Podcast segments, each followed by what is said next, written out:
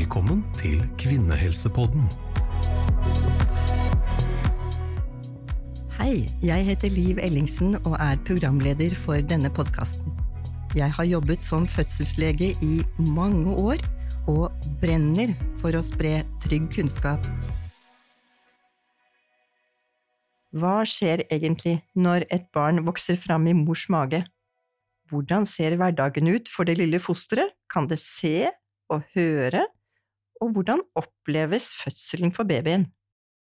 Dette og mye mer har dagens gjester i Kvinnehelsepodden skrevet bok om. Det gror i mor. Malin Eberhard Gran og Siri Vangen er begge forskere ved Nasjonalt senter for kvinnehelseforskning og professorer ved Universitetet i Oslo. Nå har de gitt ut bok som er innkjøpt av Kulturrådet, og som allerede er trykket i andre opplag. Velkommen til dere begge. Tusen takk. Tusen takk for det. Så Malin, kan du si litt kort først, hva handler boka om? Ja, boken handler om hvordan vi blir til.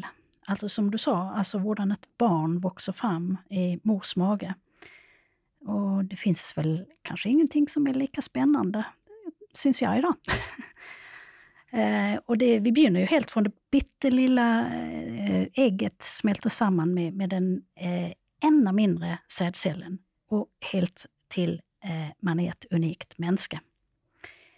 Eh, och det är ju helt eh, otroligt att eh, eh alla de här cellerna som växer fram, den här cellklumpen också, blir satt samman på en sån måte att vi kan lära, vi kan forma språk, vi kan eh, utveckla tankar och, och, vi kan till och med eh, få fram en ny generation.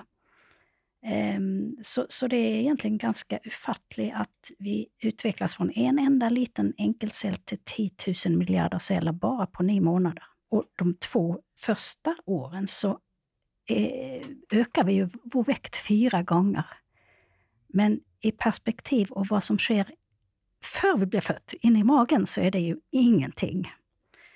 Eh, så det ser någonting om hur viktig den här delen av ett mänskes liv är. Att det är egentligen i fosterlivet själva grundmuren av ett nytt mänska bygges. Denna grundmuren får ju betydning för hela vårt liv senare. Och också för vår hälsa, eh, som vi kommer att se lite mer om senare. Ja, det är verkligen spännande. Detta har du skrivit mycket om, men du har också skrivit mycket om, om det normala, Siri. Kan du säga något om det? Ja, altså fokuset er på den normale fosterutviklingen, for det er jo det vanligste og det normale som, som, er det hyppigste, og det går jo som regel bra. Og i dag er det veldig trygt å føde i Norge, men slik har det ikke alltid vært. Så hvis vi for eksempel øh, går 100 år tilbake, så var det rundt 80 av 1000 som døde. Men dette tallet er sterkt redusert og i dag er det kun 1 til 2 per 1000 Og dette er jo egentlig en formidabel suksesshistorie som vi, vi tar mye for gitt. Men det hadde ikke vært sånn hvis ikke utallige forskere hadde jobbet iherdig for å forbedre både sykeligheten og dødeligheten eh, i svangerskapet og rundt fødsel. Og dere har jo begge vært en del av denne forskningen rundt svangerskap og fødsel, da. Ja. Men vi refererar ju till väldigt många andra också. ja. Men vi har stått för en liten, liten, liten pusselbit. Det mange pusselbitar Ja, så är det i forskningen. Mm. Men det vi gör i den här boken är att vi inviterar läsaren in i magen så de kan följa med på vad som sker uke för uke. Har dere noen nye forskningsfunn på dette? Jag tänker på ett exempel som eh, är lite sån eh, spännande att tänka på. Det är att Eh, man tidigare trodde att ett ägg bara låg och väntade på sädcellerna. Och att det egentligen var ganska passivt. Men det har liksom vår tankemotor blivit lite utfordrat i senare år för att det visar sig att ägg är betydligt mer selektiva än vad vi traditionellt har trott. Och det visar sig att de här äggen, de kan sända ut eh, kemiska signaler som, som gör att eh, de kan välja ut vissa speciella spermier som de syns är lite mer attraktiva. Närmast lite flörting på ja. äggstadiet. på. Ja, på, det kan man se. Eh, så, då, så de liksom på en måte lockar till sig de cellcellerna som de önskar bli befruktade av. Och det gör ju också att vissa kvinneman-kombinationer funkar lite bättre än, än andra kvinneman-kombinationer. Um, så, så det är inte kun spermierna som är så den aktiva part. Det, det syns jag är liksom lite sånt lite, lite har ändrat vår tankemåte ganska radikalt. Egentligen. Et viktig kvinneperspektiv. Mm. Nej, altså de, en annen eh, ting som er litt nytt, det er det at man har funnet ut at menn også har en biologisk klokke. For lenge så trodde man jo at eh, mannens alder ikke betydde noe for hans evne til å gjøre en dame gravid. Men eh, i dag vet vi at sædkvaliteten eh, hos en mann på 50 kan være opptil eh, 30% redusert i forhold til en på 20. Og eh, evnen å gjøre en kvinne gravid kan også være nedsatt opptil 40 og at det også tar lengre tid å gjøre en kvinne gravid. Er det andre forhold i tidlig fosterutvikling dere har noen nyheter om? Alltså, jag tror inte det är så nytt, men, men jag tror det är inte alla som är klara över hur lika vi tidigt i embryonalutvecklingen är alltså med andra pattedyr. Och faktiskt är det så att helt i starten, när du ser ett litet, litet embryo, så kan inte ens experter i embryologi se forskel på ett litet människoembryo och ett annat pattedyrsembryo. Och eh, det är till och med så att vi har en liten hale, en periode. Eh, den halen blev eftervärt heldigvis eh, hos oss människor, tillbakadannas den. Så, men ända med det lilla halebenet som vi har. Så jag syns liksom att det är otroligt spännande att tänka på att vi är så lika andra dyr som har en ryggsölja, alltså även fiskar och krypdyr och, och fula. Eh, och eh, vi delar faktiskt så mycket som 98 procent av vårt genmaterial med schimpanserna. så det är bara 2 procents forskel. Och med hundarna, som ju är våra bästa vänner, där delar vi så pass mycket som 75 procent av vårt genmaterial. Så, så det syns jag är lite sån, eh, det är inte ny kunskap direkt, men, men något som kanske inte alla är så klara över. Vi är inte så unika som vi kanske vi önskar att tänka oss. Nej, absolut inte. Ja, och i starten så, så är vi alla lika. Och helt fram till 8-9 veckor, då først blir Y-kromosomet aktivert. Så egentlig så er vi alle kvinner fra starten av. Så har jo mange sett alle bilder og filmer og animasjoner om utvikling av eh, embryo til foster, men det vi har hørt veldig lite om, det er hvordan har egentlig dette lille fosteret det? Eh, har det for eksempel noe bevissthet, Malin? Vet vi noe om det? Altså, det är en otroligt eh, vanskelig, vansklig, spørsmål, men, men det är lite avhängigt också av vad menar vi egentligen med bevissthet. Eh, og en definition är ju att man kan registrera omgivelserna och man kan re, eh, reagere reagera på omgivelserna. Og, men alltså det, det, här är ju ingenting som kommer helt plötsligt, alltså, utan det är någonting som utvecklas successivt medan vi är i mors mage. Eh, och eh, vi vet faktiskt att vi ganska tidigt i fosterutvecklingen så, så har vi en sorts primitiv form för, eh, för bevissthet, alltså, som betyder att vi faktiskt kan eh, skilja vår egen person från omgivelserna. Eh, men när vi tänker på bevissthet så tänker vi kanske ofta på eh, hurdan vet fostret att det är? Eh, och att det har en viss ämne till att på en en eller annan måte kommunicera och uttrycka födelser. Och då eh, är det en, en känd eh, svensk barnläge som heter Hugo Lagerkrans. Han har hållit på att studera detta eh, väldigt nöje och han har varit väldigt upptatt av akkurat det spörsmålet när eh, ett foster blir bevisst. Och det han säger det är att det sker någonting sån runt uke 24, svangerskapsuke 24-26. Eh, för då ehm, eh, är det nämligen så att nerverna från våra sansorgan, från örat, från näthinnan och huden, eh, det begynner att bli kopplat upp mot hjärnan. Alltså fostret kan eh, på något måte för det reagera reflexmässigt, både på beröring, smärta och lyd. Men, men han menar då att, att sansintrycken icke når hjärnebarken. Och de sukene passer ju också med når faktisk fosteret blir levedyktig? Ja, det passar egentligen väldigt gott in i våran, vår lagstiftning också. Är. Ja. Och, eh, men men, men det, som sagt så tänker jag att det, eh, men, men så ser han också att det här är, de, de kan ha liksom eh, efter den tiden då eh, i begynnelsen lite kortare perioder med bevissthet på ett basalt nivå, men att detta blir en successiv kontinuerlig utveckling eh, där stadigt fler hjärnceller eh, begynner att kommunicera med varandra. Så det, det är liksom inte en sån skarp gräns, utan det här sker eh, successivt. Ehm, och, och sanser är ju helt grundläggande för vår bevissthet och, och att vi ska kunna lära känna världen eh, och uppleva. Eh, för, för, om vi inte har sanser så, så kan vi ju inte eh, följa beröring, lukta, smaka, se eller höra. Och det är, det är på den måten vi faktiskt lär känna världen. Vi har ju sett att fostret har ögon när vi ser bilder av det, men kan de se in i livmodern?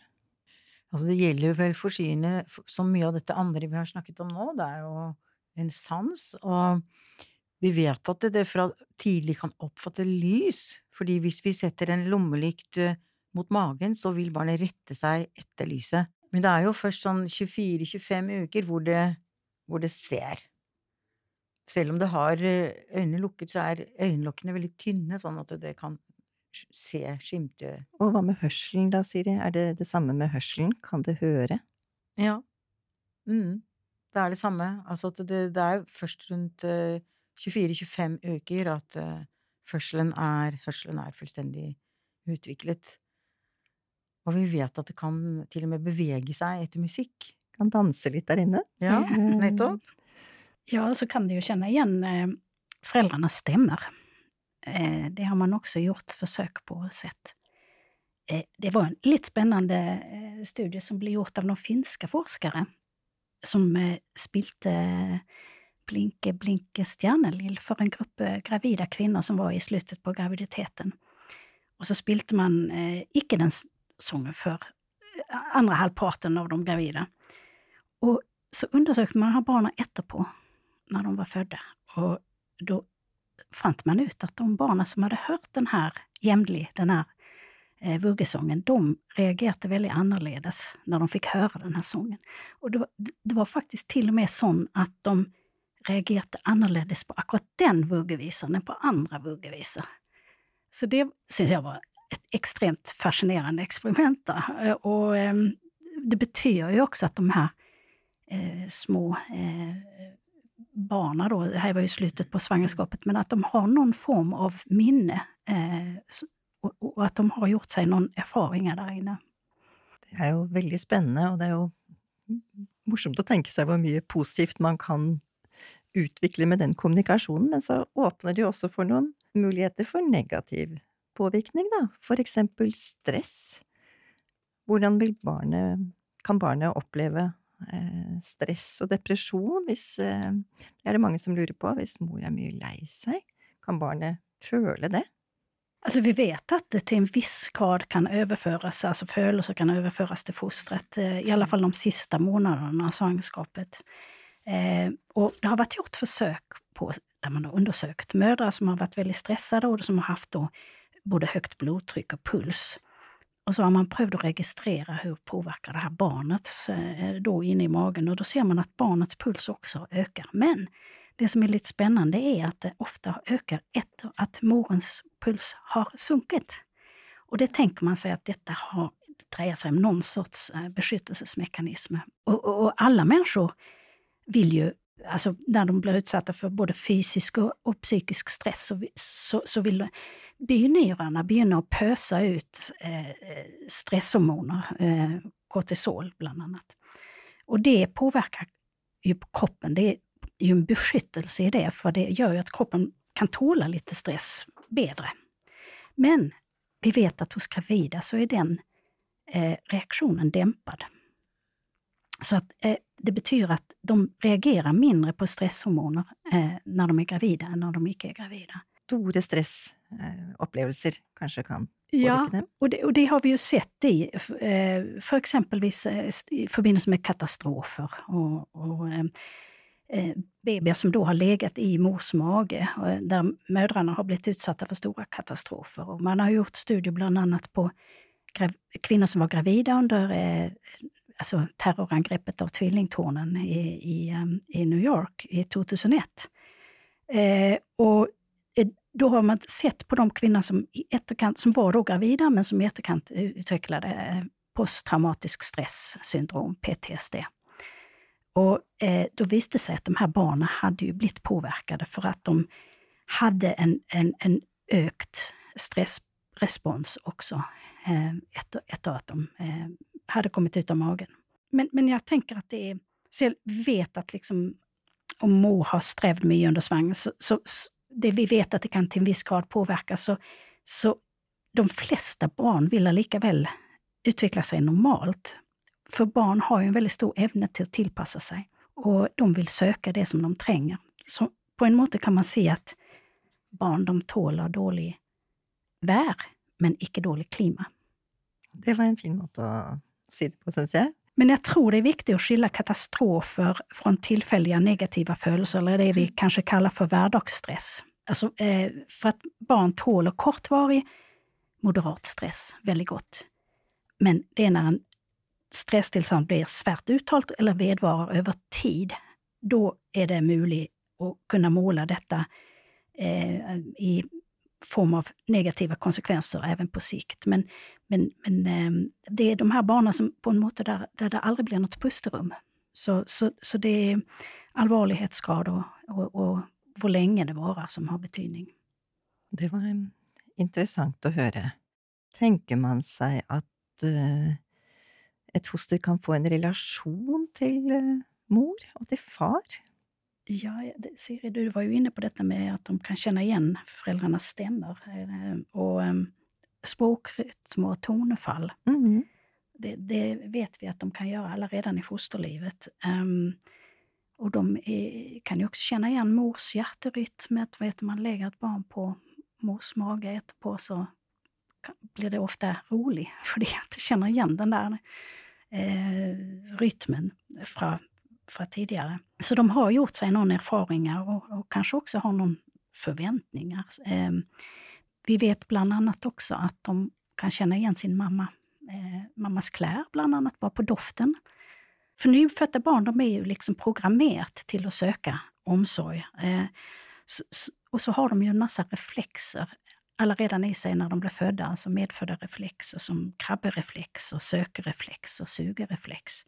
Och det där är ju någonting som de har framför och har tränat på medan de låg inne i magen. Så det är klart, de har ju eh, någon form av relation till föräldrarna alla redan eh, i fosterlivet. Men så tänker jag också att alltså, mammans eh, påverkas ju också av en mängd hormoner, eh, både under födsel och eh, i förbindelse med svangerskap, eh, som påverkar också hennes hjärna. så att den förbereder henne för, för födsel och omsorg. Så, så, så, hon blir också på en måte programmerad till omsorgsatfärd. Så här är det samspel? Samspel, ja. Men, men eh, det är en eh, svensk läge som heter Kerstin Uvnäs Moberg som har gjort en del spännande experiment med råttor. Eh, där hon har, det är ett hormon som ju bildas väldigt mycket av under svangerskap och födsel och det är oxytocin. Det är så kallade kos... Just, just det. Ja. och hon eh, gjorde något experiment så gav hon det till råttor. Och då började de här råttorna eh, utveckla sig till, de fick en sån akut omsorgsbehov. Eh, så de började att stjäla andra små råttbebisar och kosa med dem. Eh, och så gjorde hon till och med så att hon sprutade in i handråttor. Och då började de att bygga bol. så det, det, här är, det är en del kemi ja. som är lite fascinerande. Mm. Oxytocin är ett viktigt hormon. Så kanske vi ska börja ge det till män också, inte bara till kvinnor under födsel. Ja. Så fostret blir alltså påverkat mycket mer än det vi har trott. Kan mor också påverka fostret, fostrets liv vidare i världen? Det är ju viktigt, helt generellt, med ett varierat och gott kosthåll. Och speciellt när man är gravid. Och länge så tänkte man ju att samma vad mor spiste, så, så tog ju barnet det det trängte och hade behov för. Men eh, det som eh, forskningen har vist oss den senere tiden, er at eh, i situasjoner hvor det er ekstrem sult, altså da, men da skal man jo virkelig ut av en, en vanlig, normal situasjon hvor man har tilgang på mat. For eh, den såkalte hollandske sulten, som er et uh, naturlig eksperiment. Altså, det skjedde jo under den annen verdenskrig, hvor uh, tyskerne gjennomførte en blokade av Holland, sånn at alle forsyninger, også matforsyningen, var stengt i mange måneder. Rett og slett hungersnød? Ja, det var en, en hungersnød. Og noen var jo gravide, og man har undersøkt disse personene senere og sammenlignet uh, med de som ikke var utsatt for denne sulten og har funnet ut at det i, i livmoren, da skjer det en sånn slags eh, programmering, altså hvor gener blir skrudd på eller av, og de som var utsatt for sulten, de utviklet en økt risiko for, for mange sykdommer. Spesielt eh, hjerte-karsykdommer, eh, diabetes, høyt blodtrykk. Og psykiske lidelser. Ja, og også schizofreni. Særlig de som var utsatt for sulten i første trimester. Ja, det här har jo vært et uh, eh, veldig uh, eh, stort forskningsfelt. Mange har uh, gått inn i dette. Og, men det som vi også vet, er at disse effektene kan jo reguleres ved hele livet. Altså livet det, det slutter jo ikke, det, det, begynner jo på en måte ved fødselen. Og det som skjer senere i livet, det er også viktig. Og kan kanskje skru gener av og på igjen.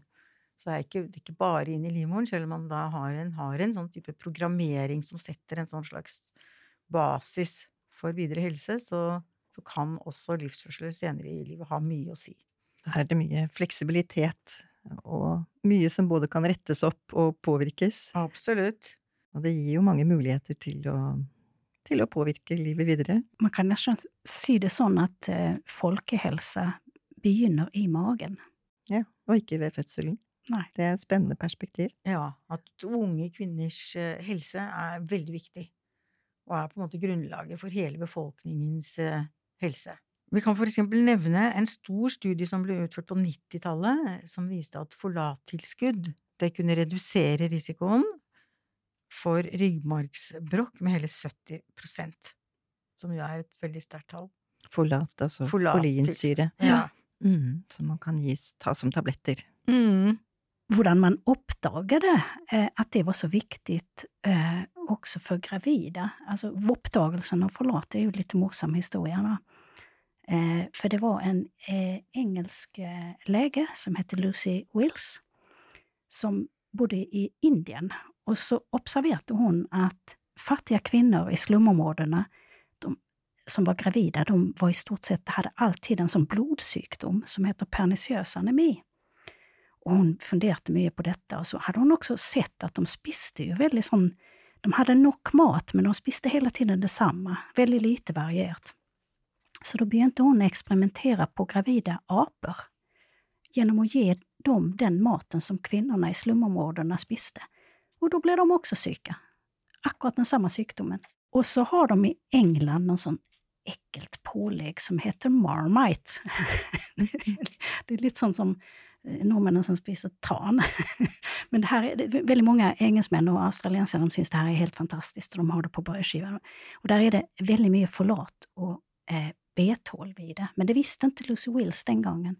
Så hon begynte ju ge det till de här eh, psyka aporna och då blev de friska med en gång.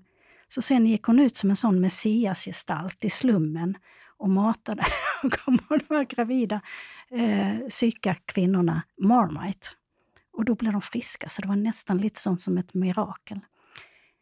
Men det var först i eftertid att man kände att detta berodde på att det var mycket folat och eh, B12 i det här eh, marmiten.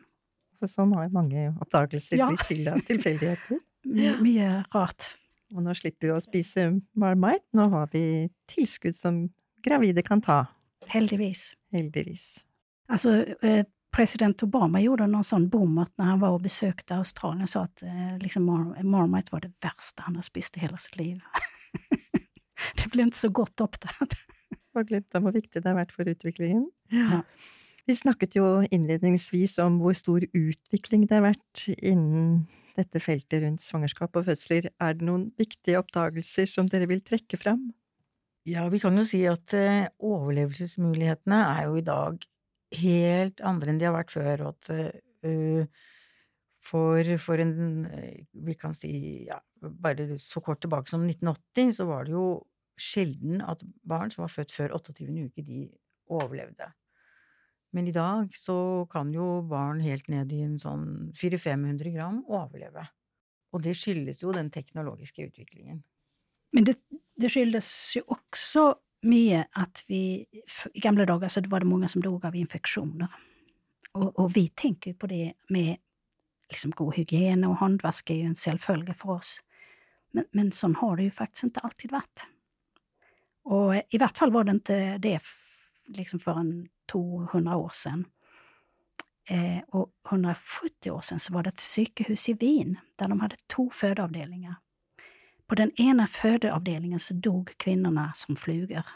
Medan på den andra så, så gjorde de icke det.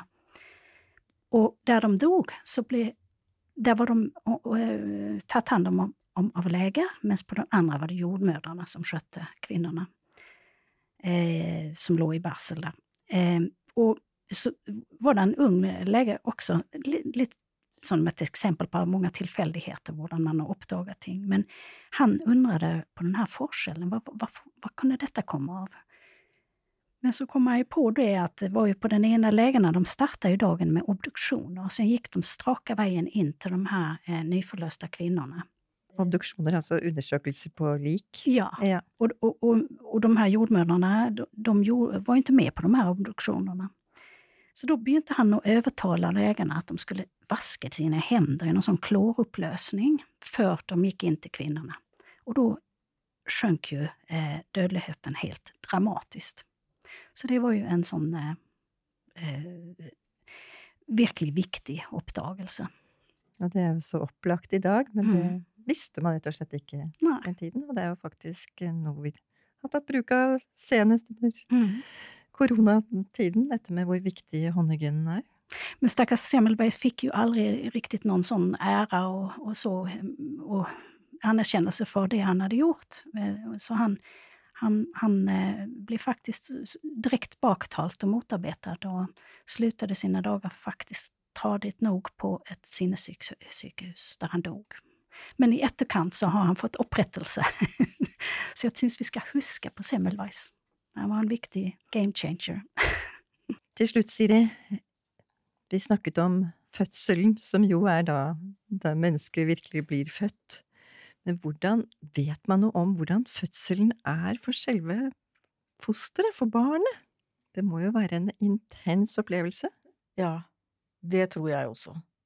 Altså, nå har vi jo aldri fått noen nyfødte barn i tale, men selve fødselen må jo være et sjokk. For inni livmoren er det jo mørkt og varmt og rolig, behagelig. Men for å bli født så må man jo gjennom denne trange fødselskanalen. Så ved hver ri så blir jo barnet skviset ned gjennom og får et stort trykk på hodet, og ved hver ri så, så går jo hjertefrekvensen ned fordi det blir trykk på navlestrengen, og hjertet slår langsommere. Men det som skjer ved denne klemmingen, da utløses det store mengder hormoner, eller stresshormoner, som gjør at barnet er klart til å møte verden når det kommer ut. Det er klart til å puste, altså dette her eh, store mengdene stresshormoner stimulerar stimulerer jo pustingen, som er veldig viktig. Og når barnet trekker sitt første pust, så fylles eller åndedrag, så fylles lungene med luft, og blodet omkanaliseres fra morkaken til lungene, og barnet får en miniatyrversjon av et voksent blodomløp. Og kan altså da komme med dette første skriket, primalskriket. Ja. Og alle de her forandringene skjer jo uten at vi kan se det. Ja. Det er helt Det skjer inni- utrolig. Ja. Inni kroppen og er jo rett og slett et mirakel. Vi kan Ja. ikke si noe annet. Nei. Da håper vi dere alle er blitt enda litt mer nysgjerrige og fått mer kunnskap om barnets utvikling. Så hvis dere vil vite mer, kan dere lese boka Det gror i mor, eller høre den som lydbok. Så tusen takk for i dag, Siri og Malin. Tusen tack för att vi fick lov att komma. Tusen tack för att vi fick komma.